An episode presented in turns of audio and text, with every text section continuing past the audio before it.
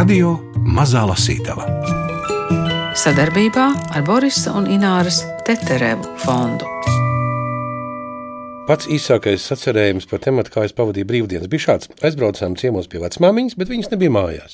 Gunārs Aboliņš šoreiz ne tikai lasīs, kas sarakstīts valda klišāna grāmatā pieauguša puikas atmiņu klāde padomijas dzīves ainiņas bez pretenzijas uz vēsturi, bet, protams, papildinās ar savām atmiņām un korekcijām, jo atmiņu klāde mums katram sava. Valdis Klišāns ir vēsturnieks, bet šoreiz atļāvies savā subjektīvajā atmiņā aktivizēt tēlus, stāstus, anekdotus un citus fragmentus no padomijas dzīves. Jautājums Valdim Klišānam. Jums kā vēsturniekam tā ir tāda sānsoļu versija? Jā, jā, tieši tā. Jo es galīgi nemēģināju rakstot šos tekstus, analizēt ļoti dziļi politisko sistēmu, visas tās uh, padomju uzbūves principus. Es patiešām mēģināju apziņā kaut kur meditēt un sajusties. Mēģināt sajusties tā, kā es jutos, būdams zēns 70. gados, kā es skatījos uz pasauli, kā es uztvēru lietas, kā es komunicēju ar cilvēkiem. Protams, ka Vēsturniekam jau vienmēr jāapzinās, ka tā vēlākais uzslāņojums, protams, tam visam noteikti ir kaut kāds virsū, bet šoreiz tieši bija mērķis, mērķis rakstīt tā, it kā es būtu, it kā es atrastos pie datora, pieņemsim, kādā 85. gadā. Man jums jautājums par avotiem. Vai jums bija kāda atmiņu klāde vai pieraksts? Ne, Nekas nebija. Pilnīgi nekā. Es pats, man liekas, ka es pamatskolas laikos mums visi, visiem klases biedriem bija. Mēs tur devām viens otram tās atmiņu klades tur aizpildīt. Man liekas, ka arī man tāda bija, bet, diemžēl, man ir daudz kas saglabājies no mācību materiāliem. Man ir saglabājušās manas pamatskolas laika īpaši, kas ir vērtīgi pirmo klašu, pirmo četru klašu, latviešu valodas, glītrakstīšanas, matemātikas, burtnīcas. Tādas lietas man ir, bet atmiņu klades man nebija. Nē. Varbūt labi vien ir, ka nebija.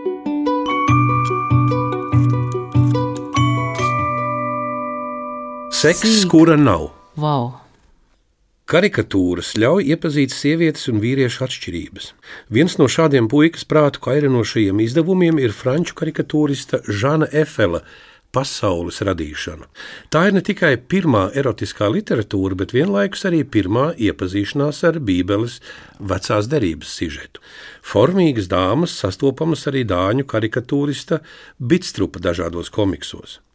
Lai padomijā varētu šos reliģiskos plikumus publicēt, ir nepieciešams kritisks un atmaskojošs skaidrojums. Dāņu autors Bitstrups ir komunists, bet franču Efels - antifašists un pretošanās kustības dalībnieks, kurš izsmējis reliģiskos māņus pēdiņās. Vēlāk uzzinu, ka Efela pasaules radīšana, kas izdota padomijā, ir nedaudz cenzēta. Internetā var redzēt šīs sērijas zīmējumus ar pikantākām detaļām, kas nav atrodamas krieviski publicētajā grāmatā Satvarieņī mīra. Nu, Redzimies no motorlaivām uzreiz pie seksa. Pagaid, pagaid, pagaid. Te viss ar manu dzīvi ļoti ir saistīts. Pamatskolas pēdējās klasēs erotiku atrodu dažādos daļdarbos. Viena no pašām iespaidīgākajām grāmatām bez šaubām ir Bokačo Dekamerons. Tolaik vēl tā īsti nezinu, kas ir franciskāņi, kardināli, saracēņi un citi, bet puišu un meitu savstarpējā iepriecināšanās jau gan ir skaidra lieta. Nu, tur tālāk nav par zīlīti, un tā mm, droši vien, ka ir. Nu, droši vien, ka ir. Droši vien, jā. Nu, labi. Vai te ir šurika peldkostīma un, un, un, un Natālijas Elizņo absolūtā peldkostīmā? Jā, tā arī bija filma, kas eh, man šķiet ir pilnīgi ikoniska, vai ne? Jā ekrāna plikumi. Plikumi ir padomījis cilvēku sakāpinātās intereses viens no galvenajiem objektiem. Tos šad tad var redzēt kino. Skolas vecuma puikām, kuriem beidzas indiāņu un tankistu vecums, kino plikumi sāk interesēt arvien vairāk. Pieaugušie un valsts dikti sako līdzi, lai mēs puikas neredzētu pārāk daudz. Līķu kalnus, asinis, karā un slepkavības mēs drīkstam skatīties, bet to, kāds izskatās pretējais dzimums un mīlēšanos, ne. Par spīti cenzūrai dažas kino epizodes tomēr nonāk līdz plikumus redzēt izsalkušajiem padomjas skatītājiem. Holivudas makenas zelts ar kailo indiāņu skaistu ezerā, franču slaidais gaišmatis ar melno kurpi, Britu baisā pāreja ar Malcolmu Makdauelu esesiešu lomā un svastiku uz apakšpiksēm, un gal galā pilnīgi nevainīgais Sindbada zelta ceļojums, kur Sindbada ceļbiedrenei ir neatvairāms bikini. Pati plikākā filma padomjas kino nomā ir Signors Robinsons. Nu, nē, nu, faraons jau bija mm, pārspējis Signoru Robinsonu, kur tumsnējā piekdienā ievērojama filmas laiku redzam bez krūštura. Vispār Dovženko jau pirmais, man liekas, kailumu ieviesis. Bija tāda Dovženko filma Zeme 20. Jā. gados, un tur bija ar veselu ainu ar atkailinātu aktrisi. Ne, nu redz, kā ir atmiņu klades, un katram jau tā atmiņu klade ir savu. Tas nozīmē, ka katrs pieaugušais puika var rakstīt savējo. Nav pierakstīts, kā vajadzēja un kā varēja apiet to barjeru līdz 16 gadiem skatīties aizliegts. Nu, kā tad varēja? Nu, tas jau, to es uzrakstīšu savā grāmatā. Ā, tu neteiksi, jā? Ja? Nē, nu kā tad es skriešu pa priekšu lokomotīvai. Nu, labi.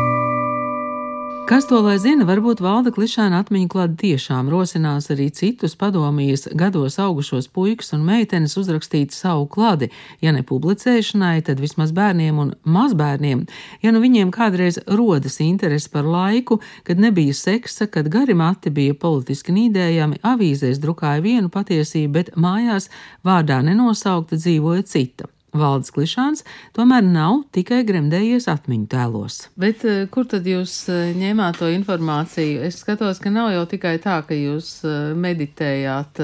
Jūs esat skatījies arī piemēram, preses izdevumus tā laika? Jā, jā ne, protams, nu, redzēt, šī, tur jau ir rakstīts, ka šī grāmata ir tapusi par pamatu ņemot tādas Facebook refleksijas, ko es trīs gadu laikā par dažādām padomju laika sadzīves lietām, es pat teiktu par sīkumiem dažādiem, kā par košļājamām gumijām vai flomasteriem vai indiāņu filmām.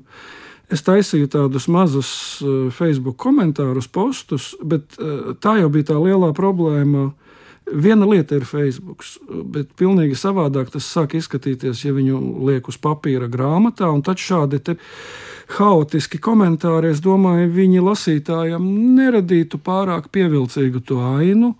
Un tad, protams, ka es mēģināju viņus komplektēt pa tematiem, šos savus vecos, nu, ne vecos, teiksim, tā, trīsgadīgos, divgadīgos ierakstus, un apaudzēt ar kaut ko. Un tāpēc es arī atlasīju interesantākos eh, turpat Facebook draugu komentārus, kas man likās, ka vai nu papildina, vai kaut kur apstrīd manis teikto.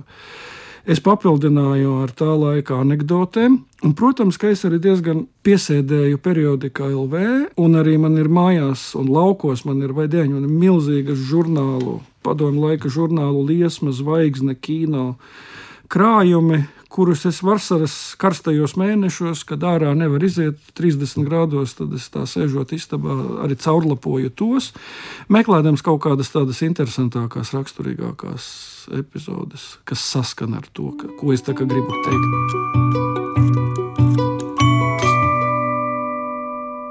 Mati, tas nav tik vienkārši.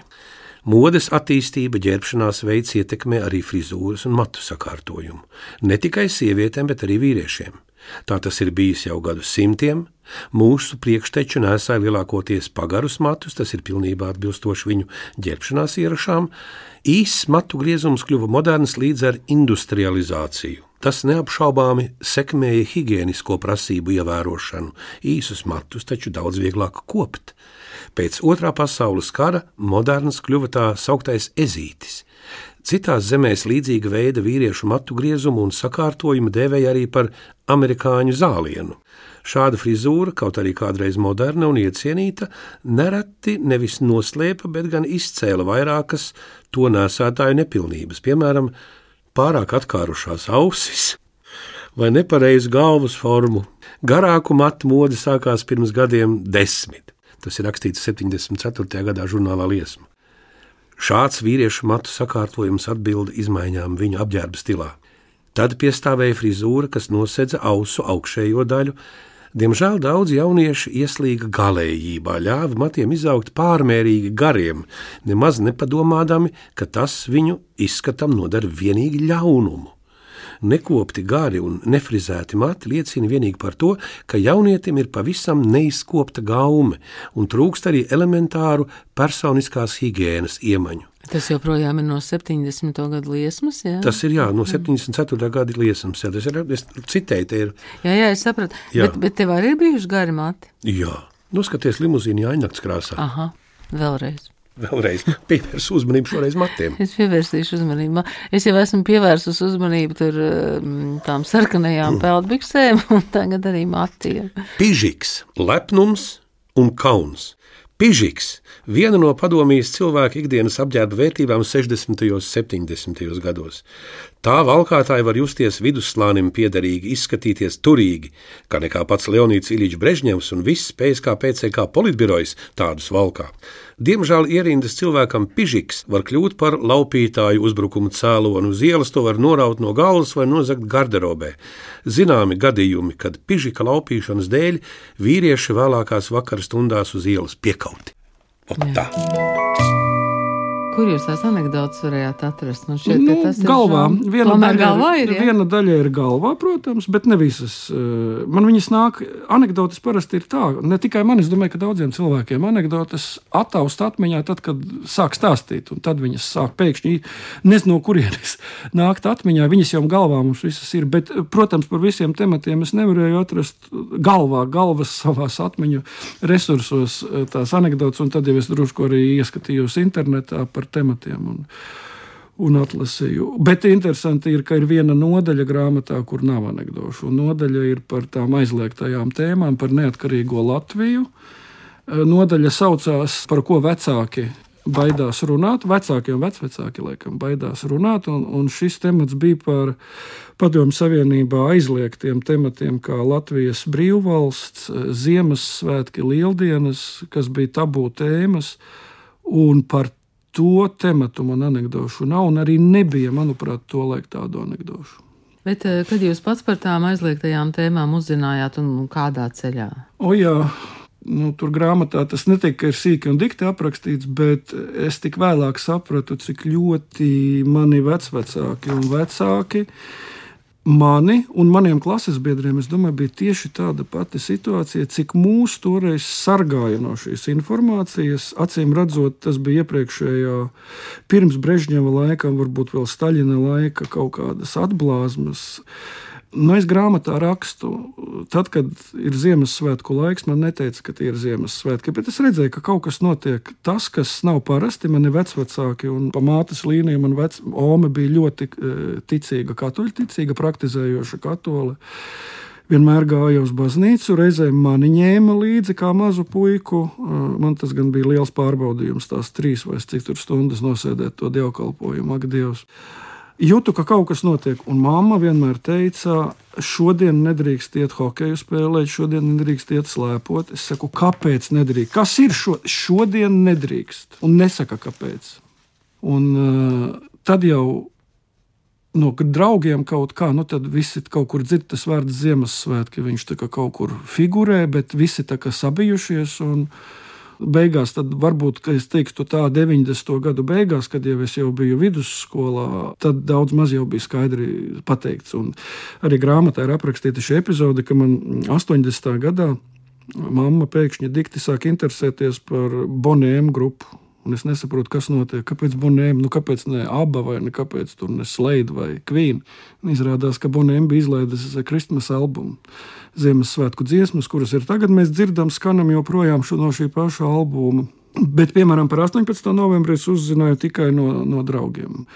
Mājās par to pilnīgi, un tad mamma vienreiz tādu frāzi izmeta: Šodien daudz kur pasaulē svin uh, Latvijas dienu. Un es saku, kāpēc tad pie mums, kā mazs puika, kāpēc pie mums nesvin, un tad viņa neko neatbildēja. Nu, te ir vēl viens apstākļus. Man tēvs, Arvīts Klišāns, tolaik bija ļoti pazīstams mūziķis valstī.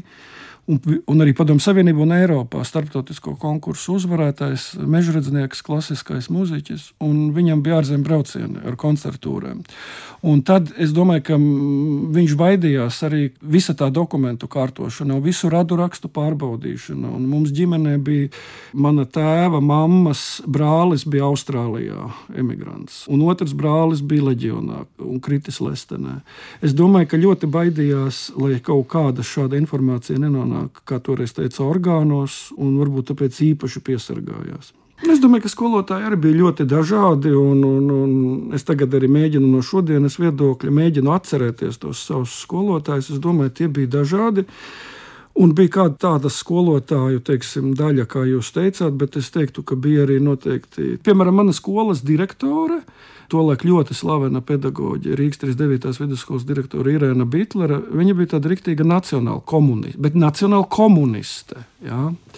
Viņa bija ļoti komunistiski noskaņota, bet varēja just kā arī tāda nacionāla stīga. Bija. Tagad es tikai tā iedomājos, ka kaut kas varbūt tur atcīt uz to 59. gadu, jau uz visām krūmiņa, barklava lietām. Viņu ļoti respektēja Rīgā. Viņa bija barga no viņas, visi baidījās. Reizēm tās viņas runas bija, nu, piemēram, par kožļājamām gumijām, kā viņa kliedza, kā amerikāņi žļembā šīs gumijas slepkavojot vietnamiešu bērnus. Ja, tā bija cieņa pret kožļājamām gumijām.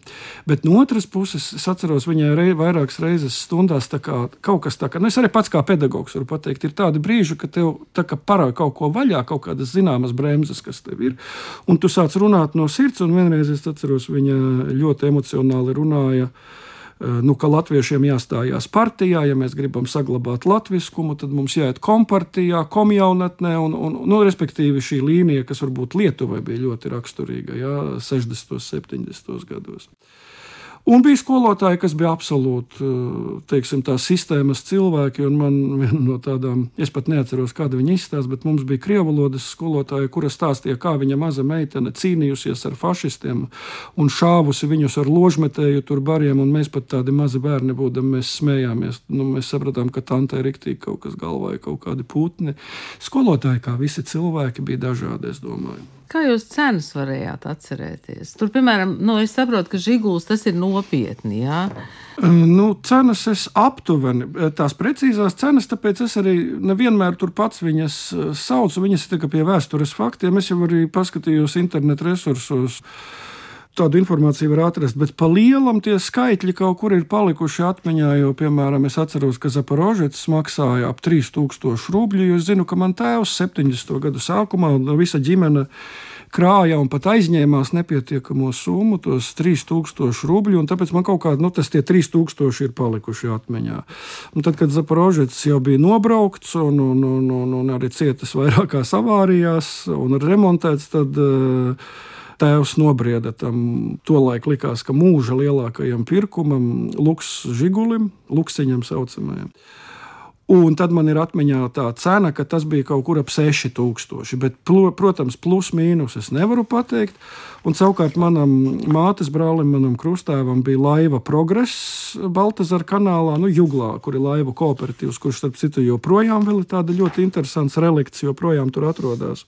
Tad es atceros, ka laiva progress maksāja kaut kur ap 1300, 1500 rubļus. Nu, tā viņas man ir palikušas cenas, bet mūsdienās jau liela problēma nav precizēt šīs lietas.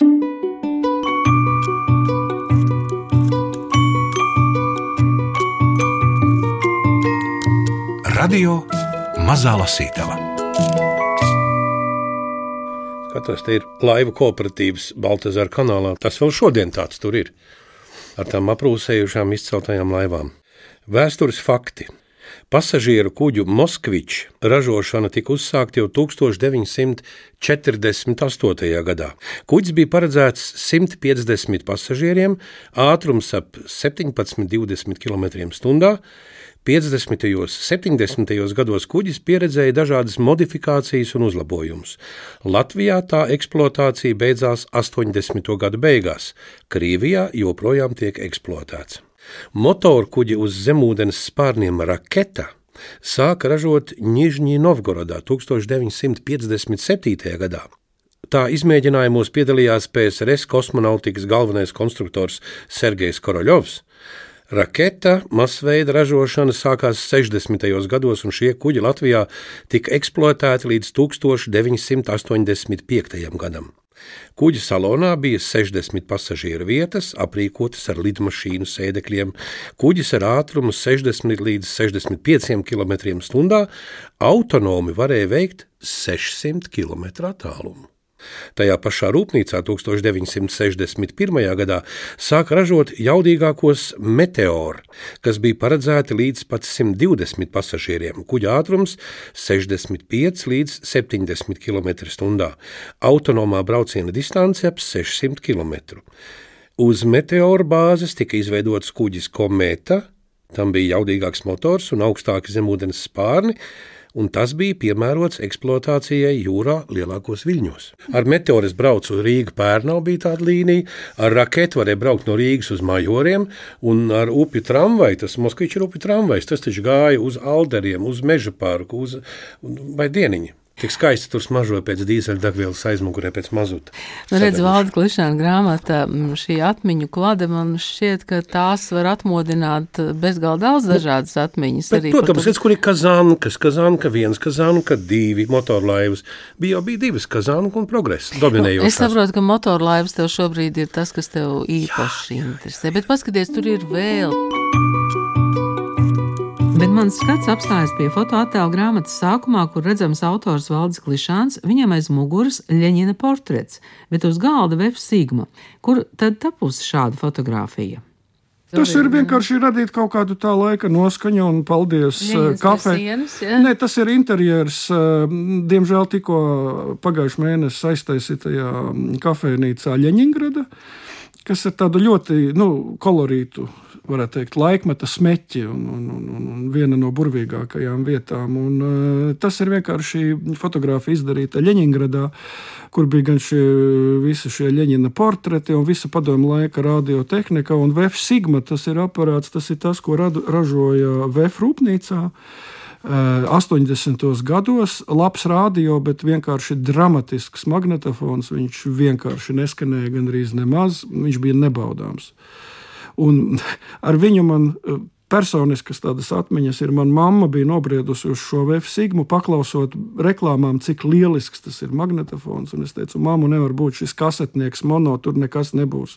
Jo es jau biju tāds liels audio tehnikas pārzinātājs, un viņa tomēr iespītējās, viņa nopirka to aparātu. Tā arī bija, man bija taisnība. Viņš, kā, viņš bija tikai kā nu, tas pats vefiņš, jā, uztvēra visus viļņus un varēja Poliju un Luksemburgu klausīties un Amerikas balsi klausīties, bet audio iekārta bija baisa. Paskaties, te ir maģi. No plates lentē, no lentes lentē. Viskvalitatīvākā skaņa nāk no plašu atskaņotāja. 70. gadu vidū parādās stereoplates un atskaņotāji, un, lai baudītu skaņas telpiskumu, vajag tikai divas stumbas. Tomēr galvenā problēma - plates ar normālu mūziku nav pieejamas.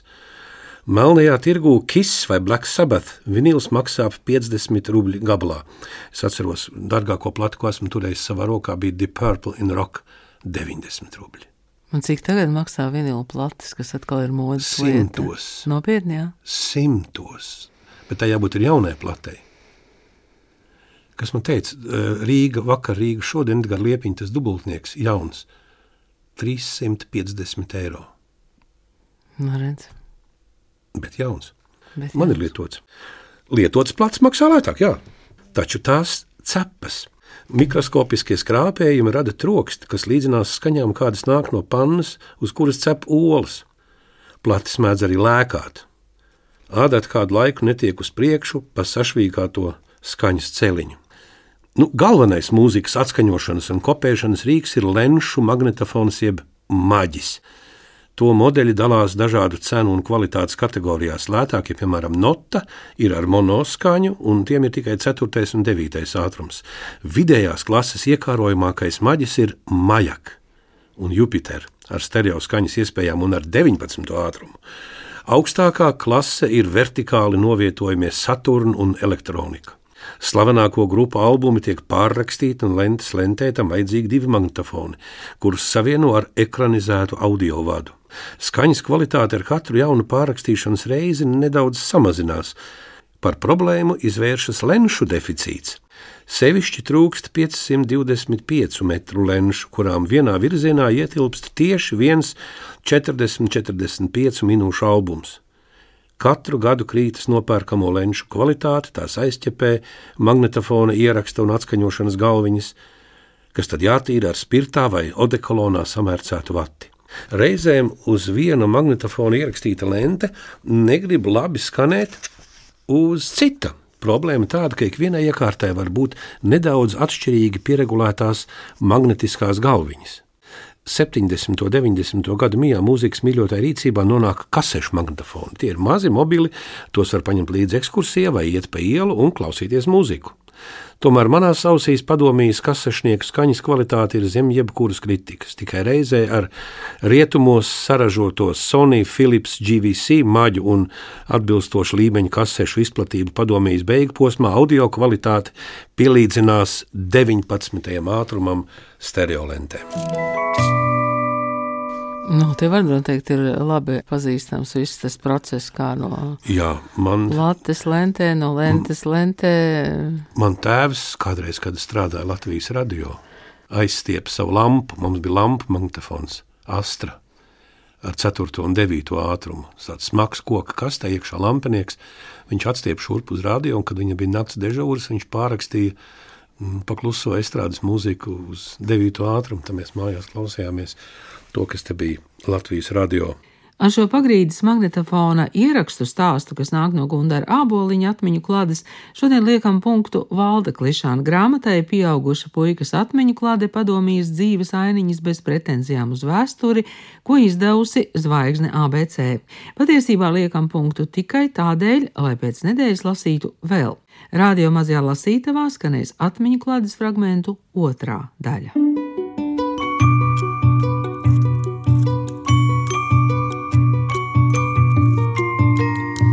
Radio Mazā Lasītava.